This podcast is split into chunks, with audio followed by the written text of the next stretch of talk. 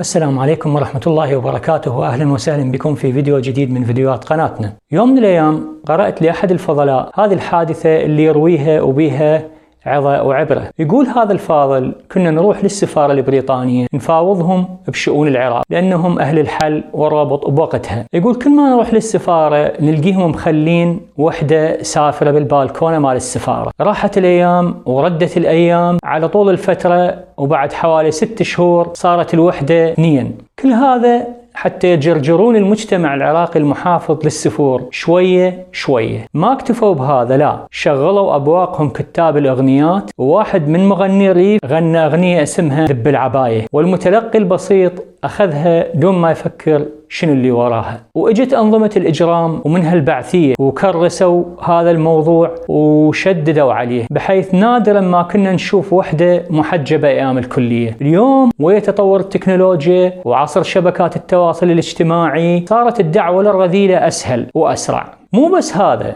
تخصصت شركات عالمية لتشجيع الرذائل وصارت من شروطها لإنتاج أي فيلم أن يتضمن التشجيع على الرذائل. والخيانة الزوجية. جلكم الله. بفضل مواقع تهكير الأفلام اللي عندنا بالعراق صارت هذه القذارات بمتناول الجميع دون استثناء. وبفضل الانفلات اللي بلدنا صارت تدخل كل بيت دون استئذان. إلى أصحاب الشرف والغيرة. أنقذوا ما تبقى من الغيرة العراقية. وقاوموا مثل هاي الانحرافات. لا تسكتوا فالله يسألكم غدا. عنها كلامنا هو عن فيلم آه، عرض قبل أيام. على المنصات اللي معروفة بالعراق عندنا وأثار ضجة بالبلدان العربية. الفيلم يتجاوز كل الخطوط الأخلاقية الحمراء للمجتمعات وهو تطبيع بطيء مع ال وال.